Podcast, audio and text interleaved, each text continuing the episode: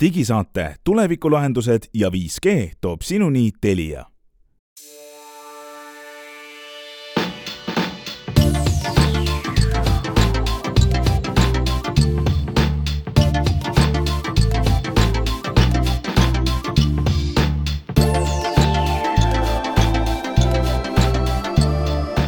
tere, head kuulajad, digisaade on teiega ilma nimeta siiamaani, aga juulikuu viimane digisaade aastal kaks tuhat kakskümmend kaks on nüüd teiega ja me oleme Ants Lõugas, Henrik Roonemaa ja Meelis Väljamäe.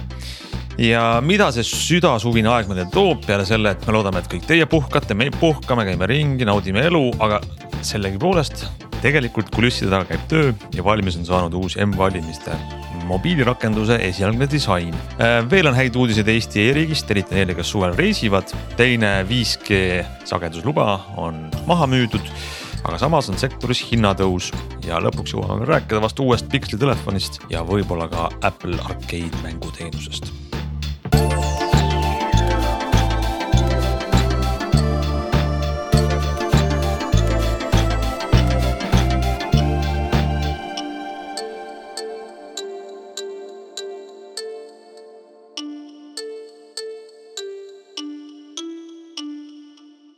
Nonii, räägime siis võib-olla esiteks sellist natukene suvistel aegadel lastakse eetrisse uudiseid, et äkki testida inimeste meelsust, et ei ole nii tõsine uudis see, et ähm, nüüd M-valimised tulevad või ei tule, küll aga mm, saime me näha M-valimiste mobiilirakenduse siis esialgseid visandeid või kuvandit, kuvapilte või siis disaini, ükskõik kuidas seda nimetada.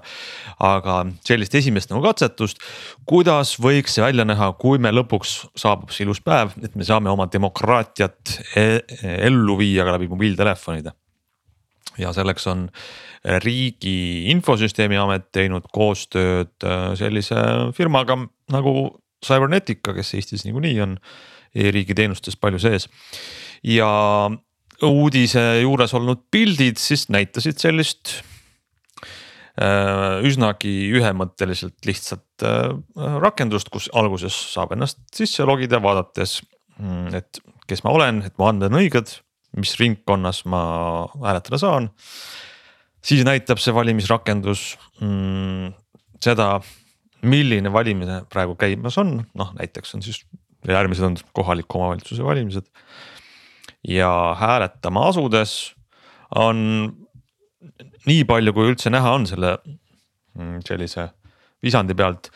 see kõik näeb üsna väga samasugune välja nagu e-hääletamine arvutis ma ei tea, kas te nägite ka seda uudiset, seda pilti, et milline mobiil, mobiilvalimised võiksid olla? nägime jah, et äh, minu jaoks äh, vähemalt tekkis küsimus, noh, ilmselt ma ei tea seda tausta või, või miks seda on vaja niimoodi lahendada, ilmselt seal on mingid turvalisuse või, või äh, privaatsuse küsimused, aga. kui palju neid inimesi, kes nagu päriselt viitsivad tegelikult valimiste jaoks äh, äppi alla tõmmata, et see võiks olla mingi veebiteenusena lahendatav, eks ole, et lähen kuskile valimiste lehele ja autendin ennast seal, ju siis ei ole niimoodi võimalik teha. seal on äh, hea terve tegelikult äh, hulk ähm, huvitavaid küsimusi on selle M-valimiste juures ja.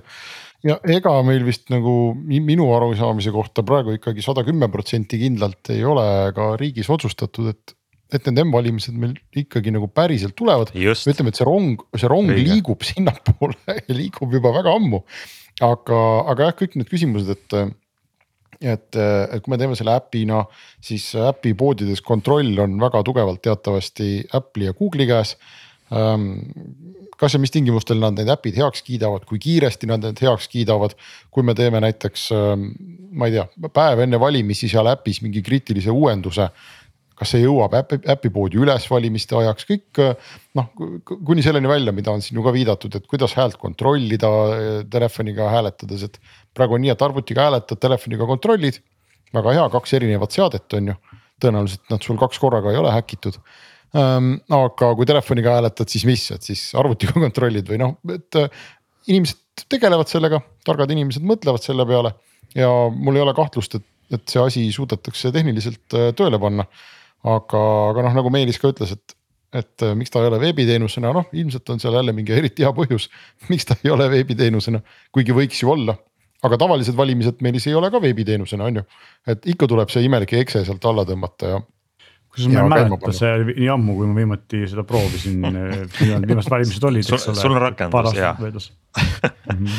aga Henrikul on, Henrikul on muidu õigus, ma lihtsalt ma ütlen siia vahele, et kommentaar sellest äh, rakenduse tellijalt on ka, et on selline, et oluline on ära märkida, et äpi valmimine ei tähenda automaatselt, et see kohe kahe tuhande kahekümne kolmanda aasta riigikogu valimistel, mis on siis järgmised, kasutusele võetakse, nii et ei ole siin midagi garanteeritud. Aga noh, laiemas, laiemas pildis ikkagi, kui ma vaatan, kui mida päev edasi, eks, et kuidas järjest suuremat rolli ikkagi nutiseade inimese sellises IT-elus mängib, et äh, mul ei ole ka erilist kahtlust, et see, see suund, kuhu see rong nagu nüüd sõidab, et see on õige suund.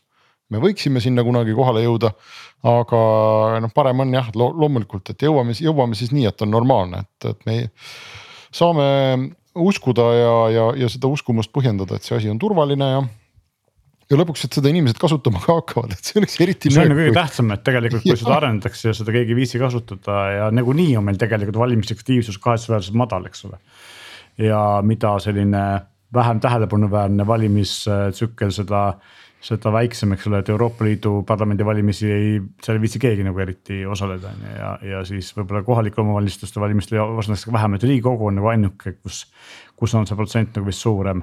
aga ta on ikkagi noh, sihuke, ma ei tea, kuuskümmend, eks ole, et võiks ju olla üheksakümmend, aga, aga noh. no see on Põhja-Koreas on üheksakümmend see on demokraatiatele, ähm, see, see selleks ja ma arvan, et see protsent võib-olla ei saagi otsene nagu eesmärk olla, et aga, aga. lihtsalt see, et, et mida keerulisemaks sa selle osalemise inimesele teed või nagu kuskilt midagi alla tõmbama ja mingeid asju tegema, seda väiksem see osalusprotsent tõenäoliselt saab olema, eks ole, aga teistpidi on jällegi see, et. et noh, paratamatult, kui see on ainus võimalus, kuidas seda piisavalt turvaliseks teha, siis ega see muud lahendust ei ole, eks nii et no, jah, M-valida saavad inimesed, kes oskavad äppe alla tõmmata äpipoest. võib-olla see aitab paljud inimesed äpipoodidesse või see on äh, jällegi, jällegi kasulik, kasulik Reformierakonnale, eks ole, et no,. seda ei tea jah, et millise erakonna valijad tõenäolisemalt on varem äpipoes käinud? Okei, aga, aga ühesõnaga pildid on, see näeb välja äh, sinine ja selline nagu no mõnes mõttes nagu üks riigiteenus võib näha, väga konservatiivne, aga siiski tundub, et ka enam-vähem arusaadav on see. Need, mis see, mis seal ekraanipiltidel toimub, nii et äh, las, las inimesed töötavad edasi ja mulle tundub samuti, et ega see disaini siin polegi midagi kommenteerida, aga oluline see, et need, need pildid on olemas, tähendab töö käib ja. ja ju oluline fakt selles mm, teekonnas on ka see, et eelmine, eelmise valitsuse, Kaja Kallase eelmise valitsuse IT-minister eraldas ju sellesama M-valimiste projekti jaoks äh, tervelt miljon eurot. nii et raha on eraldatud, töö käib, küllap siis lõpuks ka see rong jõuab sinna lõppjaama. Äh, kas siis kaks tuhat kakskümmend kolm või järgmised valimised, ei tea. Ehm, aga ma tahtsin siin selle M ja valimist ja e-riigi teemade kõrvale veel ühe väikse äh, uudise, mis mul silma jäi ära kommenteerida mis on tore, mulle meeldib. ja uudis oli see, et Eesti digiretseptiga saab nüüd ravimeid osta ka Portugalis, lisaks Soomele ja Horvaatiale. Ehm, sest et see Soome ja minu teada ka Horvaatia mm, sild on toiminud juba mõnda aega ehm, et tore, et nüüd selles, selles Euroopa teises nurgas olev riik on ka parajalt, ütleme siis ütleme kompliment Portugalile ennekõike, kes on oma süsteemid niimoodi tööle saanud, et meie omadega ühilduvad. E, et seal selline mõistlik ja normaalne e-teenus töötab, et ma ei tea. näiteks, kas teie mäletate üldse aega, mis oli veel enne diiretsepti või? see oli ju. väga mingi... uduselt keskaeg Yeah. aga tegelikult noh, positiivne on, aga samas oleks ju tore, kui oleks niimoodi, et. et see oleks ka kuidagi Euroopa Liidu ülene, et mingi üks lahendus, eks ole, aga muidugi siin on jälle see oht, et meie, kes me nagu ees jookseme, teeme oma asja ja siis Euroopa Liit teeb mingi teistsuguse asja ja siis me peame sinna ümber kolima nagu selle digiallkirjaga juhtus, eks ole, et, et see on Just. nagu jah huvitav. kuidas see äh, Hans, kas või kas teil on kummalgi olnud kogemusi välismaal selle digiretseptiga ostes, et. Äh, kas Portugalis nüüd ka ma või Horvaatias või kus ta oli Soomes, et kas ma võin minna igasse apteeki ja tõmmata oma selle Eesti ID-kaardi äh, välja taskust ja siis kõik nagu toimib või? ma isiklikult ei ole, aga ma tean tut-, tuttavate tuttavaid Eesti soomlasi, äh, siis vabandust, Soome eestlasi, eestlased, kes elavad Soomes ja on seda kasutavad täitsa regulaarselt ja on rahul. et see neile nagu meeldib. sellesama Portugali uudise puhul, mis nüüd praegu siis alates nüüd juulist to toimib, oli küll, käis juures ka terve nimekiri, eh, nimekiri eh, apteeke, kus kohas see toimib, ehk siis ähm, iva on selles, et Portugalis näiteks on veel mitte kõik apteegid ei ole süsteemiga liitunud, vaid sa pead korra kontrollima, kas see. ütleme, et sa siis Portugalis oled puhkamas, kas see sinu apteek on seal listis või ei aga teistes riikides peaks, kui ma nüüd ei eksita kedagi, siis minu info järgi peaks see toimima igal pool mm. -hmm. ja muide, teistpidi, teistpidi toimib ka, et Portugali kodanikud, kes Eestis käivad puhkamas, tahavad sealt kuumast ära tulla. siis on juba paar aastat toimub nende see digiretsept Eestis igal pool. no olekski loogiline, et see on nagu mõlemat pidi töötav mul tuli kusjuures täiesti natukene kõrvale teema, aga mul tuli sellega seoses meelde viimati hiljutine apteegis käik siis ma hakkasin mõtlema selle peale, et, et natukene on äh, mõningad asjad meil siin digiriigis nagu eest ära jooksnud jälle äh, nendele, mida nagu firmad teevad, eks ole, või, või siis äh, teenusepakkujad, et meil on ID-kaardil on juba päris jupp aega, vähemalt uutel ID-kaartidel mitu aastat NFC tugi ja mina pole veel näinud ühtegi firmat, kes toetab ID-kaarti nii-öelda siis äh, kliendikaardina, et see töötaks NFC-ga, mitte siis selles, ma pean selle kaardi sinna masinasse toppima, eks ole, et. kuigi need lugejad on samadel masinatel olemas. ehk siis seda, seda teenust või sellist nagu lisalahendust, mida riik pakub, ei ole ettevõtjad väga kasutama hakanud, mis on kurb ja mina ei ole, mul tuli praegu meelde sind kuulates Meelis, et tõesti see, see on ju olemas ja me oleme sellest ise siin saates rääkinud, aga. aga ja. kes, kus, kunas ja kuidas, mille jaoks no, seda kasutada saab, on suur müstika. kohe, kohe tuleb pähe, et ma tean, et Prismas on, eks ole, lisaks apteekidele, mis on võib-olla noh, apteek on sihuke asi, kus on vaja võib-olla ka näha, et see oleks ikka sinu nägu, eks ole, aga. aga Prisma on üks selline firma, kes kliendikaardiga tuvastab ja vist mingi suurem ehituspood oli ka, nii et, et nagu keegi neist ikka tahetakse, sa lükkaksid selle kaardi sinna otsapidi sisse. mis on praegu mingit... võib-olla sellisel viiruste liikumise ajastul selline füüsiline puudutus ei ole kõige parem lahendus.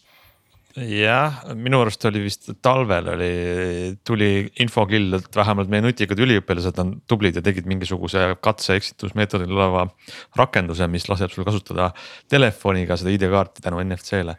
nii et no, ja... mingid inimesed meil selle kallal tööd teevad mul tuli kohe see mõte ka, et vaata, kui mul on isikustatud roheline või see nii-öelda ühistranspordikaart ja mul on see isikukood ju samamoodi ka selle ID-kaardi peal, et see võiks ka see olla, et mul pole rohelist kaarti vaja, vaid ma saan nagu selle. nagu ära mine sinna, ma tahaks olla ikka, et ma tahaks, meil oleks edumeelne e-riik. Äh, mulle tundub, et see Tead. siin, kui me juba oleme e-riigist rääkimas, et võib-olla on hea koht, kus ikkagi see Selveri asi korra ära rääkida, et eelmises saates meil oli juttu, Meelis oli pannud selle teema äh, meie faili kirja, ise ta, ise ta ei olnud meie eelmises saates, aga siis me tegime põgusa ülevaate, et Selveril on nüüd partnerkaardi äpp või õigemini siis see on kaubamaja grupp. ja, ja, ja kui sa käid Selveris ja muudes äh, vist kaubamaja, seal oli veel pood, kaubamaja grupi poode. aga, aga eelkõige meid huvitas Selver, et, et siis sa saad ka oma telefoni kasutada ostupuldina Äh, nii nagu see on Rimis ja vist ka Maximas, kuigi ma, ma ei tea, Maximas ma pole käinud, aga. Maxima on esimene, kes seda tegi.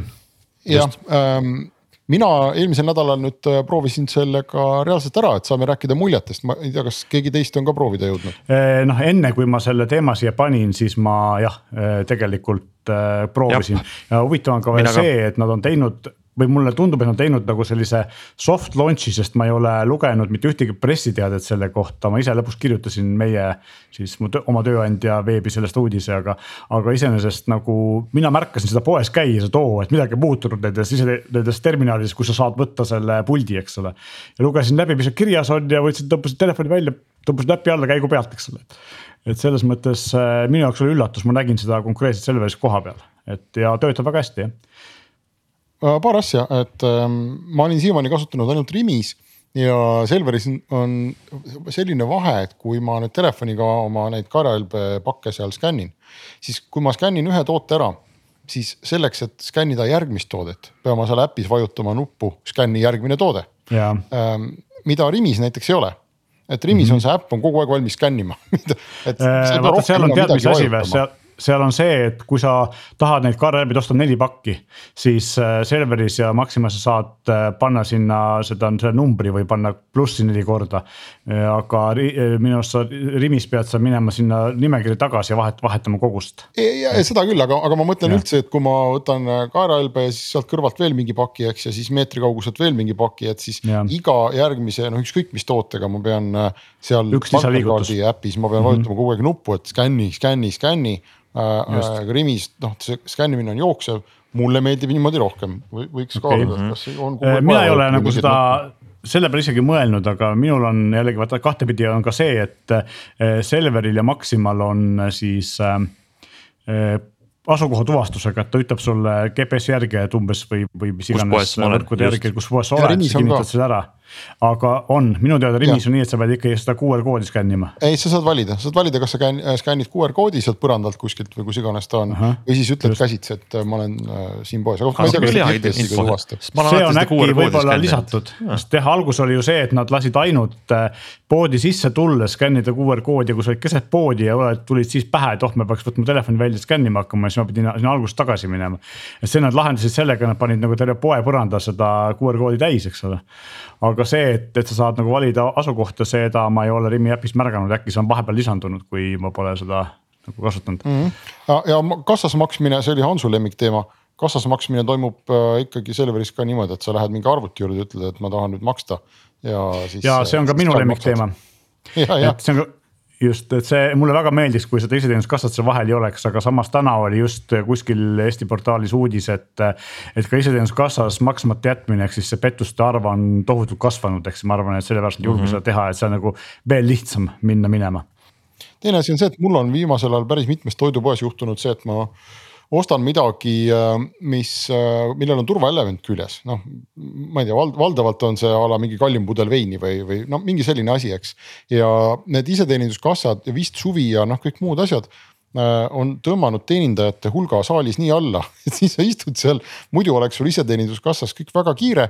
ja siis sa seisad seal õnnetu näoga, see turvaelemendiga veinipudel käes vaatad ringi, et kas keegi palun tuleks, võtaks selle ära ja ei tule, kunagi ei tule veel ebameeldiv on see, kui sa satud Selveris ostukontrolli ja siis ostukontrolli ei tule sul kakskümmend viis minutit või midagi sellist, mis on mul juhtunud, nii et okay,. et, et, et ma pidin ise jah. minema infosse otsima, et kuule, kas keegi tuleb ja siis nad ütlesid oodake, et küll keegi tuleb ja et see võib-olla liiga hoogne nagu äh, teenindajate hulga kokkutõmbamine ei ole ka, võib-olla on vara selleks või, või siis tõesti tuleb ikkagi see täisautomaatne viis nagu leiutada Selveri kiituseks tuleb öelda ka seda, et nad on jätkuvalt ainuke pood, kellel saab iseteeninduskassas äh, kasutada Taara tšekki. et see võiks ka olla teistel olemas. ja ühesõnaga kokkuvõtteks äh, proovisime, töötab, on väga okei okay.. nii, aga vaatame edasi, mis meil siin veel viimasest nädalast äh, kõrva jäi. ja võib-olla esimene asi, mis ära mainida, oli siin lausa rohkem kui nädal tagasi, aga me eelmises saates seda ei maininud, aga Eesti 5G võrkudes on nüüd 5G võrgu avamiseks on teine sagedusluba välja antud oksjonil. Äh, teisel kohal parima pakkumise teinud ettevõttele nimega Telia. ja Telia mm, mäletatavasti siis see 5G sagedusloa oksjon esimene äh, luba anti välja, selle sai endale Elisa, kes maksis sellest seitse koma kaks miljonit eurot. korralik tulu riigikassasse ja Telia pidi enda loa eest maksma märkimisväärselt rohkem, kaheksa koma viis miljonit eurot, nii et see hinnavahe esimese ja teise koha vahel on siin üks koma kolm miljonit eurot, väga kobe summa ja tuletame meelde, et Elisa väitis, et nad said ka parema litsentsi, Elisa, äh, ma ei mäleta enam, seal oli mingi tehniline loogika, et kuidas need sagedused asuvad või.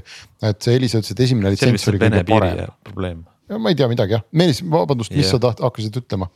tahtsin öelda seda, et see hinnavahe on ikkagi nagu protsentides, et ta on küll sellest alghinnast nagu kordades kõrgem. aga ta ei läinud ikkagi nii palju kõrgemaks, kui võib-olla võis arvata, et eh, mida vähemaks läheb, seda kallimaks läheb see. ja see tähendab ka seda, et kuna see vahe on nagu selline mis ta on siis kümme protsenti või kakskümmend, eks ole, et siis ta võib-olla ei mõjuta ka hindu niivõrd palju või, või noh, selles nagu eks, eks me seda näe muidugi. aga teades Teliat ja teades seda, kuidas nad on väga edukalt ja, ja väga aktiivselt edu ed,, edendanud seda 5G-d ka vanade 4G sageduste peal, siis mm -hmm. mina ei imestaks üldse, kui. kui Telial see 5G võrk peale seda, kui need paberid korras on niimoodi ülehelikiirusel tööle läheb, et siis nagu järsku ükskord avastame, et Telia on kuskil see Tallinn kaetud, eks ole, just. just, just, et see tegelikult noh, vanadel sagedustel töötab Telia teeb seda, mida Elisa ei teinud, eks, mida ja mida me, mina isiklikult olen, olin kogu aeg arvanud, et kindlasti kõik operaatorid teevad, et niipea kui litsents on käes, allkirjad on all, on ju. siis tehakse plõksti kohe võrk lahti, et Elisa ei teinud. Näeb siis jah, et kas, kas Telial äh, õnnestub see kõik niimoodi üle. Midagi tegi, eks ole, aga ta tegi mingeid jupikaupa või selles nagu väikestes kohtades, mitte, mitte. ei, Elisa avas ainult põhimõtteliselt püsikodu internetti. ja just, just, just, just. no seda nad ilmselt teevad kõik alguses, aga, aga selles mõttes, et just see, et ma arvan, et Telial õnnestub see kuidagi veel kiiremini teades, kui palju nad on sinna nagu noh, nähes nagu, kui, kui aktiivselt nad üritavad sinna investeerida, eks ole ja muide, ma arvan, siia otsa me saame kohe ka raporteerida rõõmsalt, et, et alles see oli, kui Elisa tõstis hinda ja nüüd äh, tõstis hindu ka Telia seal äh, valguses. kellelgi on ees see tabel. ja mul on see tabel ees ja Telia teatas tõesti, et hinnad on kallimad nii kodusel tele kui internetiteenusel. mis algab siis mm, sügisest ehk siis äh, esimesest septembrist ja siin on teleteenuste hinnapaketi muutused, ma nagu nendele väga ei keskenduks, sest minu jaoks on see teleteenus nii individuaalne, kellel on mis, kui kanaleid, kui palju, mida, mida ta vaatab, et. internet on selles mõttes palju universaalsem asi, et ühendus on ühendus, äh, loeb hind, hind ja siis kiiruste parameetrid. ja mida siis Telia septembrist äh, küsib, on näiteks mm, pakett algab, esimene on siis viiskümmend kümme kui te olete ADSL-i peal või viiskümmend, viiskümmend, kui te olete fiiberoptika peal kiirustega. ja selle hind tõuseb kahekümne kahelt eurolt kahekümne neljane, ei ole väga suur. järgmine pakett on siis sada ja kakskümmend viis ADSL-is või siis sada, sada fiibris. ja see tõuseb kahekümne viielt eurolt kahekümne seitsmele, jälle kaks eurot. ja siis on veel jäänud fiibris kolmsada, kolmsada pakett mis tõuseb ka kahe euro võrra kolmekümne kolmelt kolmekümne viiele ja hinnakiri lõpeb ühe gigabitiga fiibris, mis on üheksakümne üheksa euro asemel hakkab maksma seitsekümmend kaks. nii et siin on minu, minu kõhutunde arvates on see korralik konkurentsist tulnud hinnasurve, mis selle gigabitist äh, ühendust nagu odavamaks teeb noh, ma, äh, aga samal ajal Telia eemaldab paketi valikust viissada, viissada. ja, ja äh, ehk et sul on kolmsada, kolmsada hinnaga kolmkümmend viis eurot kuus ja siis järgmine on gigabitt hinnaga seitsekümmend kaks eurot kuus äh,. vahepeal pole midagi, eks ole. vahepeal pole midagi, eks. muidugi äh, siinkohal. viissada, viissada on jumala hea mõistlik ühendus ja tõele au andes peab ütlema seda nüüd, et see sõltub, kui hea Telia klient sa oled, sest et kui sa oled äh,. kuulud Telia ühe all, ehk siis sul on nii vist telepakett kui kodune kui ka mobiilinternet, siis, siis yeah. sa saad selle Telia ühe ja Telia üks pakub siis. see mul on seesama kolmsada, kolmsada ja tegelikult ma saan tänu sellele Telia ühele, ma saan viissada, viissada, eks ole. aga näiteks see. giga. see on veel keerulisem siis. aga kui sul on gigane pakett kõige kallim, eks ole, siis seal, kuna see on juba nii tipus, siis seal tegelikult enam kuskile kõrgemale minna ei ole, ehk siis tegelikult sellega kaotades sa ei saa nagu sealt mingit boonust, kui sa oled Teliale lojaalne klient. aga, aga iseenesest jah, mul on see, see kolmesajane pakett, millest tegelikult tuleb viissada, sest et mul on ka mobiilinumber seal ja, ja ka siis see teleteenus. aga võrdleme nüüd Elisaga ähm,. Äh, kui Telias nüüd siis uue hinnakirja järgi gigabitine, giga üles, giga alla on seitsekümmend kaks eurot kuus, siis Elisas on see üheksakümmend. Mm -hmm. aga noh, ütleme, et Telia enne oli üheksakümmend üheksa, oli üheksakümmend üheksakümmend üheksa jah, et Elisa oli odavam, no vaatame nüüd, kas siis selles mõttes tuleb nagu hinnasõda, et Elisa tuleb oma gigabitisega alla. aga Elisa käest kolmekümne nelja euro eest saab viissada, viissada ja Teliast äh, saab siis kolmekümne viie euro eest kolmsada, kolmsada või kui sa oled hea klient nagu Meelis, siis saad ka viissada, viissada, et noh, põhimõtteliselt nad käivad ikka täpselt sama sammu. just et noh, iseenesest muidugi üks asi on see, et kellelegi ei meeldi, et hind kallimaks läheb ja meil siin on inflatsioon on nagunii meeletu ja, ja käest ära ja kõik asjad tõusevad. et mõnes mõttes see on kurb ja teist mõttes see on paratamatu, aga samas mulle tundub, et need hinnad ei ole kõikunud nagu väga pikalt või vähemalt erinevalt mobiilihindadest, mis on siin päris pikk, päris pikka aega nagu järjest nagu tõusnud minu arust, siis. see kodu interneti hinnad on nagu seisnud paigal ja mina vaatan eh, kodus siin päris palju äh, Briti telekanaleid ja seal iga, iga kord, kui ma näen mõnda operaatori reklaami, siis seal on all alati see, et et praegu on soodushind või see paketi hind on selline ja siis väikest tärniga on all juures, et. et tõuseb iga aasta siis selle elukalliduse indeksi pluss kolme koma üheksa protsendi võrra, ehk siis neil on nagu sisse kirjutatud iga-aastane hinnatõus meil nagu sellist asja õnneks ei ole siiamaani olnud no kui sa niimoodi võrdled, siis tundub tõesti elu ilusam, minul tundub ka, et see hinnatõus kahe euro võrra, see ei ole nagu, ma ei tea, ei ole kuidagi mingitel aastatel on sellised hinnatõusud olnud nagu kuidagi valulikumad, praegu on see üsnagi normaalne arvestades. jah, tegelikult seda. probleemiks on pigem mobiilse interneti paketid minu arust kõigil operaatoritel, vähemalt Helis, Helisel ja Tele2-l, sest seal on hästi palju lisateenuseid, mida sa tegelikult ei tarbi ja millest sa loobuda ei saa ja mis on sinna külge keevitatud ja mis teevad paketi kalliks ja sellist tavalist basic paketti, et andke mulle kõneaega, andke mulle internetti, ma põhimõtteliselt nagu normaalse hinna eest ei saagi tänapäeval võtta enam aga tead selle kodu interneti osas, sa ütlesid enne saadet ühe kommentaari, mis minu arvates on küll päris asjakohane, et, et ähm, kõige odavamad paketid hakkavad ikkagi üsna kallist, et meil oleks vaja seda redeli alumist pulka natuke allapoole tuua. ja, või siis et, ära kaotada, et see alumine pulk on nagu uskumatu. ja sa mõtled siis viiskümmend kümme näiteks Telia puhul või? ja et noh, vaata, siin on see, et ma võtan kohe selle võrdluse siin ette, ta oli mul ees, aga ma kaotasin ta ära, et seal on ju see, et seal on äh, kas oligi niimoodi, et viiskümmend, kümme ja viiskümmend, viiskümmend olid äh, kolm eurot odavamad kui järgmine vist sada viiskümmend, sada kakskümmend midagi sellist, eks ole. no viiskümmend, kümme on kakskümmend neli eurot kuus uue hinna järgi ja siis järgmine sada ja kakskümmend viis või siis sada, sada, kui on fiiber, on kakskümmend seitse, et tõesti kolm eurost on vahet jah et see, see nagu ei ole, no siin ei ole mingit loogikat, eks ole, et milleks see alumine pakett eksisteerib või tehke ta aga siis Meelis, kas ei ole nii, et see alumine pakett eksisteerib inimestele, kes istuvad äh, vase otsas ehk mis iganes, sel ta täna on? Ma olen selles mõttes nõus sinuga, aga vaata, seal ongi sama hinnaga viiskümmend kümme ja viiskümmend viiskümmend on mõlemad kakskümmend neli. ja sada kakskümmend viis ja sada sada on mõlemad kakskümmend seitse, ehk siis üks eksisteeribki nendele, kes on vase otsas, teine eksisteerib nendele, kes on fiibri otsas, hind on sama. lihtsalt, et see vahe alumise ja järgmise paketi vahel on kolm eurot. Äh, ja, aga lihtsalt see mm, viiskümmend kümme on siis tõenäoliselt kõige, kas on võimalik, et see on siis kõige aeglasem ühendus, mida sa saad Telia käest osta või? Et kahekümne viiest enam ei saa jah, tundub ma, küll ma, nii. ma ei tea. tundub nii. mul vase kogemus nii pikalt puudub ja, ja võib-olla peaks teadma. mul sama aga ei, selles ei olegi vahet, et kas on vask või see on äh, fiiber, sest et hind on sama, lihtsalt viiekümne megabitine. Upload'i vahe on jah jah, viiekümne megabitist download'iga pakett mõlemal juhul on kolm eurot odavam kui sada megabitise download'iga pakett ja see nagu on kummaline. kaks korda suurema kiiruse saad äh, kümme protsenti kallima hinna eest milleks odavam pakett siis olemas on? nii see on, ütleme nii, et ma korraks ka nüüd hakkasin keskenduma ja, ja eks seal eh, mida läbipaistvam ja lihtsamad need on, siis eh, need paketid, seda paremad ma mõtlen, et see ei ole, see ei ole nagu Telia puhul esimene kord, et neil oli ka mobiil, võib-olla siiamaani mobiilses andmesides oli ka neil eh, kõige odavam pakett, mis ei olnud iseenesest üldse odav, oli kolmsada megabaiti kuus äkki, kui mu mälu mind ei peta, noh, kes tänapäeval nii vähe tarbib. ja järgmine oli vist mingisugune viis giga või kaks giga ehk siis mitu korda rohkem ja maksis mingi üks või kaks eurot rohkem, eks ole, nii et selles mõttes need. Need kõige lihtsamad paketid on sellised äh, arusaamatu, kelle jaoks mõeldud ähm,. vaatame, mis meil veel on viimasest nädalast äh, silma ja kõrva jäänud ja mulle tundub, et äh, Meelis, sa mainisid, et on väljas üks uus maailma võib-olla üks mõnes mõttes väga oluline telefon. mis võib-olla Eestis ikkagi ei ole nii oluline, Pixel 6a mm. -hmm. Pixel 6a on väljas jah, meil teda nagu ikka ametlikult ei müüda, et vahendajate kaudu ilmselt saab, aga hind on siis ka hoopis teine, eks ole, ta maksab sinna noh neljasaja viiekümne euro kanti. ja mida siis Pixel kuus A endast kujutab?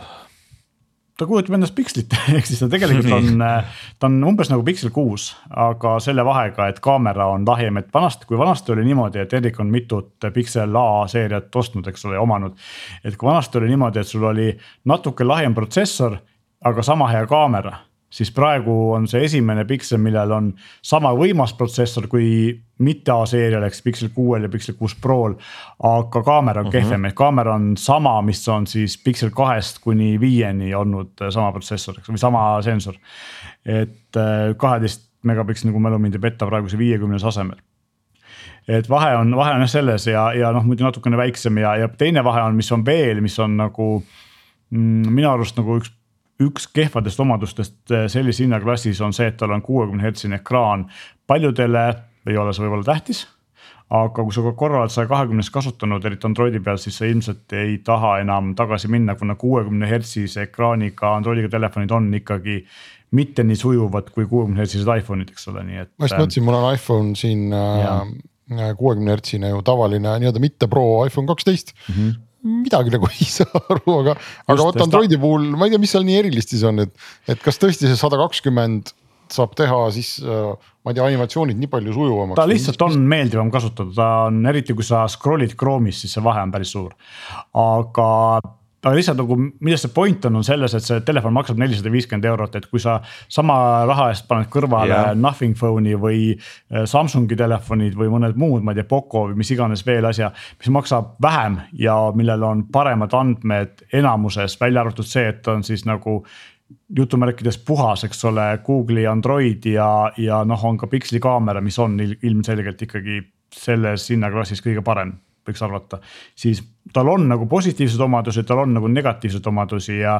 ja teine muidugi nagu probleemi koht on siin see veel, et äh, see hinnaklass on selline, et äh, kuna ta on uus telefon, siis ta on praegu ilmselt jupp aega veel müügis nagu selle nii-öelda soovitusliku jaehinnaga ja.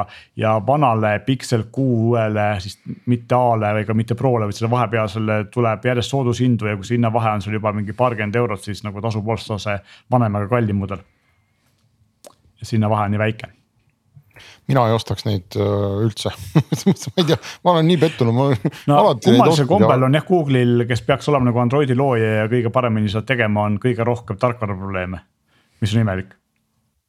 ja, ja, ja ka mingeid kummalisi riistvara otsuseid ja ma ei näe nagu, mulle tundub ikkagi, et selles tänases äh, maailmas eh, on väga raske nendel Pixti telefonidel mingit nagu pointi ja kohta leida, et see, see oli võib-olla akuutne teema siin aastaid tagasi kus nad üritasid näidata, et milline see Androidi kogemus siis peaks olema. aga mulle tundub, et see Androidi kogemus, ma ei ole nüüd mõned aastad ise Androidi peal olnud, aga, aga kõrvalt vaadates on tundunud, et see asi on ikkagi väga palju edasi liikunud ja ei ole üldse on, midagi jah. sellist nagu noh, et ei ole nii suuri probleeme, mida Google peaks iseenesest nüüd äh, oma mingi brändiga lahendama tegelikult neid ei ole enam üldse, et iseenesest ongi huvitav, et ma olen siis sirvinud nagu mitut seda Pixel 6a ülevaadet äh, niimoodi ameeriklaste oma või välismaiste, eks ju, suuremate tehnikalehtede oma ja. ja kõik ütlevad, et oi, see on nagu selle raha eest parim Androidiga telefon ja siis ma hakkan mõtlema, et noh, et see ilmselt kehtib Ameerikas, mis on sihuke veits nagu vaakum, kuna neil see valik on kõvasti väiksem, et. meil on ju ometigi äh, siin äh, sama Nothing phone on Euroopas saadaval, eks ole, Xiaomi telefon on terve hunnik Euroopas saadaval, Samsungil on mitmeid häid mudeleid, mis on odavamad ja kaamera poolest jäävad kas natuke alla või üldse mitte, eks ole, nii et, et tegelikult äh, Euroopa vaates võib-olla, võib-olla ta ei ole nagu nii jahvatlev, kui ta on äh, USA vaatest.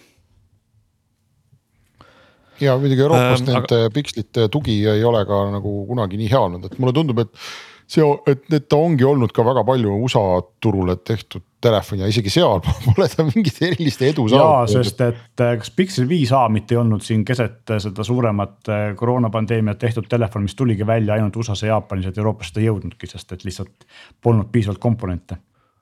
ma hakkasin rääkima, hakkasin ütlema, mainima seda, et ähm, mida Google ju, millest, millest nende monopol, ütleme siis selle trump on tugevanud Android ja kas Android vajab täiendamist või ei vaja täiendamist, et sa Meelis mainisid, neil oli selline laialatud, väike, aga suure mõjuga reform plaanis Google Play poes. jah, see oli huvitav et äh, Google. jah, räägid ise. räägi, räägi ära. Google otsustas, et äh, enam ei ole vaja siis kasutajatel näidata, milliseid õigusi mingi äpp sinu äh, telefonist tahab saada või sinu seadmest tahab saada, et eh, usaldame seda, mida arendajad ütlevad, et kui ma kasutan kaamerat, siis arendaja ütleb seda, kui ta. ja me ei listi enam ei pane nagu seda nimekirja nendest lubadest, mida siis eh, äpp telefonis saada tahab. ja sellest no, tuli muidugi. ja sellest tuli, aga, aga ma tahan öelda, et see, see algas see reform sellise no ikkagi positiivse noodiga, et meil tuleb uus ekraan Androidis või siis Google Play poes mis ütleb, et äh, kuidas kõik äh, eri punktides äpi arendaja siis kas kasutab su andmeid või ei kasuta. ehk siis tegelikult mingit nagu lisaselgust arendaja poolt. aga nagu sa ütlesid, äh, konks oli selles. arendajaid ei saa alati usaldada jah, ja see oleks asendanud siis selle nii-öelda masin genereeritud õiguste ülevaate, mida reaalselt see rakendus su telefonis teeb. just ja see ei kestnud väga kaua, sest et üsna kohe juhtus see, et tekkis väga suur vastuseis sellele sellistes. no ütleme siis tehnikateadlikumates Androidi kasutajate hulgas ja see pöörati väga kiiresti ümber tagasi, sest et saadi aru, et see ei ole ikkagi väga turvaline tegevus väga mõistlik ka, sest minu arvates no see on, see on nagu, see on reaalselt Google'i roll selles äh, maailma suurimas mobiil, mobiili operatsioonisüsteemi ökosüsteemis, nende roll on hoida neid alussambaid paigal, mis garanteerivad Just. inimestele mingisuguse sellise lollikindla garantii, et ma vaatan seda äpi poodi, ma tean, et need äpid esiteks võiks olla seal kontrollitud, ma tean, et sellega nad lähevad ka tihti alt. aga teiseks ma vähemalt näen mingisugust masin genereeritud või ähm, siis öelda faktuaalselt ülevaadet, mida see äpp minu telefonis teha saab ja see ei ole kirjutanud ja. selle arendaja poolt, sest me teame, et kui sa tahad olla pahatahtlik, sa võid kirjutada sinna igasugu jura. kas ähm, kui me juba räägime Google'ist ja Androidist, siis kas me räägime korraks Wallet'ist ka? kas on rääkida midagi Wallet'ist? Äh, kui te eelmine nädal sellest ei rääkinud, siis, siis me räägime sellest praegu korraks. Äh, nimelt see läheb rubriik, et Google väga hästi teab, mida nad teevad ehk siis äh, või mõtlevad ümber, ehk siis Google'il oli kunagi selline äpp nagu Wallet, kus olid siis sinu igasugused pangakaardid ja millega sai maksta ja siis nad ühel hetkel nimetasid selle ümber Google Pay'ks ja Google Pay on olnud sellest ajast saadik siis Androidi selline vaikimisi makselahendus Google'i poolt äh, Apple, Apple Pay, äh, eks ole, vastane. ja nüüd nad nimetasid siis Google Pay wallet'iks uuesti tagasi Mm -hmm. ehk siis enam ei ole Google Pay'd, aga on Google Wallet ja noh, samamoodi nagu on Apple Wallet, eks ole, aga nüüd on siis vahe selles, et USA-s eksisteerivad eraldi Google Wallet ja Google Pay. ja mujal muudes riikides, kaasa arvatud Eestis on nüüd siis Pay asemel on Wallet, ehk siis Pay on Wallet'i osa. ja mõte on ikkagi see, et pakuks nagu Apple'ile konkurentsi ja üritaks siis saada igasugused digitaalsed piletid, ühistranspordipiletid, kontserdi ja lennukipiletid ja, ja kõik muud asjad ka sinna nii-öelda digitaalsesse rahakotti. Aga mina näen nagu, et ise iseenesest äh, mõte on hea, aga probleem on ju selles, et äh, Google'i wallet'i formaat milles need piletid peavad olema, on teistsugune kui Apple'il, et kuna siiamaani ta ei toeta seda PK Pass äh, formaati, siis see on nagu suur probleem, sest ükski lennufirma ilmselt ei viitsi teha kahes formaadis neid asju, et. et kui mul on, ostan lennukipileti, mul on meiliga kaasas PK Pass fail, siis Google Wallet võiks ometigi seda toetada, mida ta ei tee, eks ole, et. et kuna Apple on selline noh, suurtegija siin turul, siis tegelikult äh, nende, nende poolt seatud standardid võiksid kujuneda võib-olla antud juhul standardiks, et. no on kujunenud juba e. esimese suurena pani jala maha, et selline formaat on nende wallet'i jaoks ja, ja selles mõttes on haaranud selle initsiatiivi. aga noh, loomulikult Google tahab seal ka, eks ole, tulevikus hoida siis ma ei tea, võib-olla sinu ID-kaarti ja sinu autovõtmeid ja muid asju, eks ole, et see on ka nagu selline üldine lahendus, aga siis naljakas on just, aga naljakas on noh see, et, et nad suutsid nagu nimetada selle wallet'i pay'ks ja pärast wallet'iks tagasi mõni aasta hiljem, eks, tüüp, tüüpiline Google'i värk. no ja just tüüpiline Google'i värk, et see kuidas parajasti tuuled puhuvad seal teatud ja, ja, ja juht, vahejuhtimise tasemel. siin mõni päev tagasi see minu telefonis ka pay muutus üleöö siis wallet'iks mingi viimase uuendusega ja natuke ilusamaks läks ka. aga ega ma seal siiamaani nagu e-, Eestis toetatud mingisuguseid kliendikaarte väga ei näe, nii et see, see osa on ikka puudulik aga kas sa näed sealt, missugust formaati aktsepteerib siis see uus wallet? ei, ta küll skännib mu äh, nii-öelda mailbox'i, kui ma seda luban ja siis otsib sealt mingisugust kliendikaarti, mõned ta ka leidis, aga. aga kui see ei ole nagu siin turul nagu ametlikult toetatud, siis ta mingit ilusat tausta sellele ei tekita, eks ole, et ja sellist PK passi ta ei toeta, siiamaani seda ta ei näe, nii et see on nagu kurb. no vot, jällegi suund on õiges suunas, aga minekut ei ole. tundub nii kas meil on täna juulikuu viimases saates veel midagi äh, rääkida? ja ainuke, mida mina veel näen oma, oma sisu korrast on see, et äh, Henrik on hakanud suvel mängima Apple Arcade'i kuule jah, sellega on äh, huvitav asi, et äh, sa ütlesid väga hästi, väga hästi, et Henrik on hakanud mängima äh,. ma tegelikult, ma mäletan, Hans, et sina ja see oli mm -hmm. ammu juba, võis olla aasta ja. või kaks tagasi, sa rääkisid, et oo, et äh, see on jumala hea teenus, et äh, ma oma lastele see noh, laste pärast peamiselt kuidagi hankisin selle ja mm. -hmm. mul olid lapsed siis väiksemad, ma ei saanud midagi aru, mis sa räägid. ja nüüd ma sain aru, kui nad ikkagi iga kahe minuti tagant laekusid minu juurde oma telefoni või iPad'iga ja teatasid, et. Neil on õudselt vaja jälle mingi ühe-kahe eurone mingi asi osta või, või mingitest reklaamidest vabaneda või. et need äh, noh, nii-öelda tasuta mängud seal äpipoes, et see ärimudel.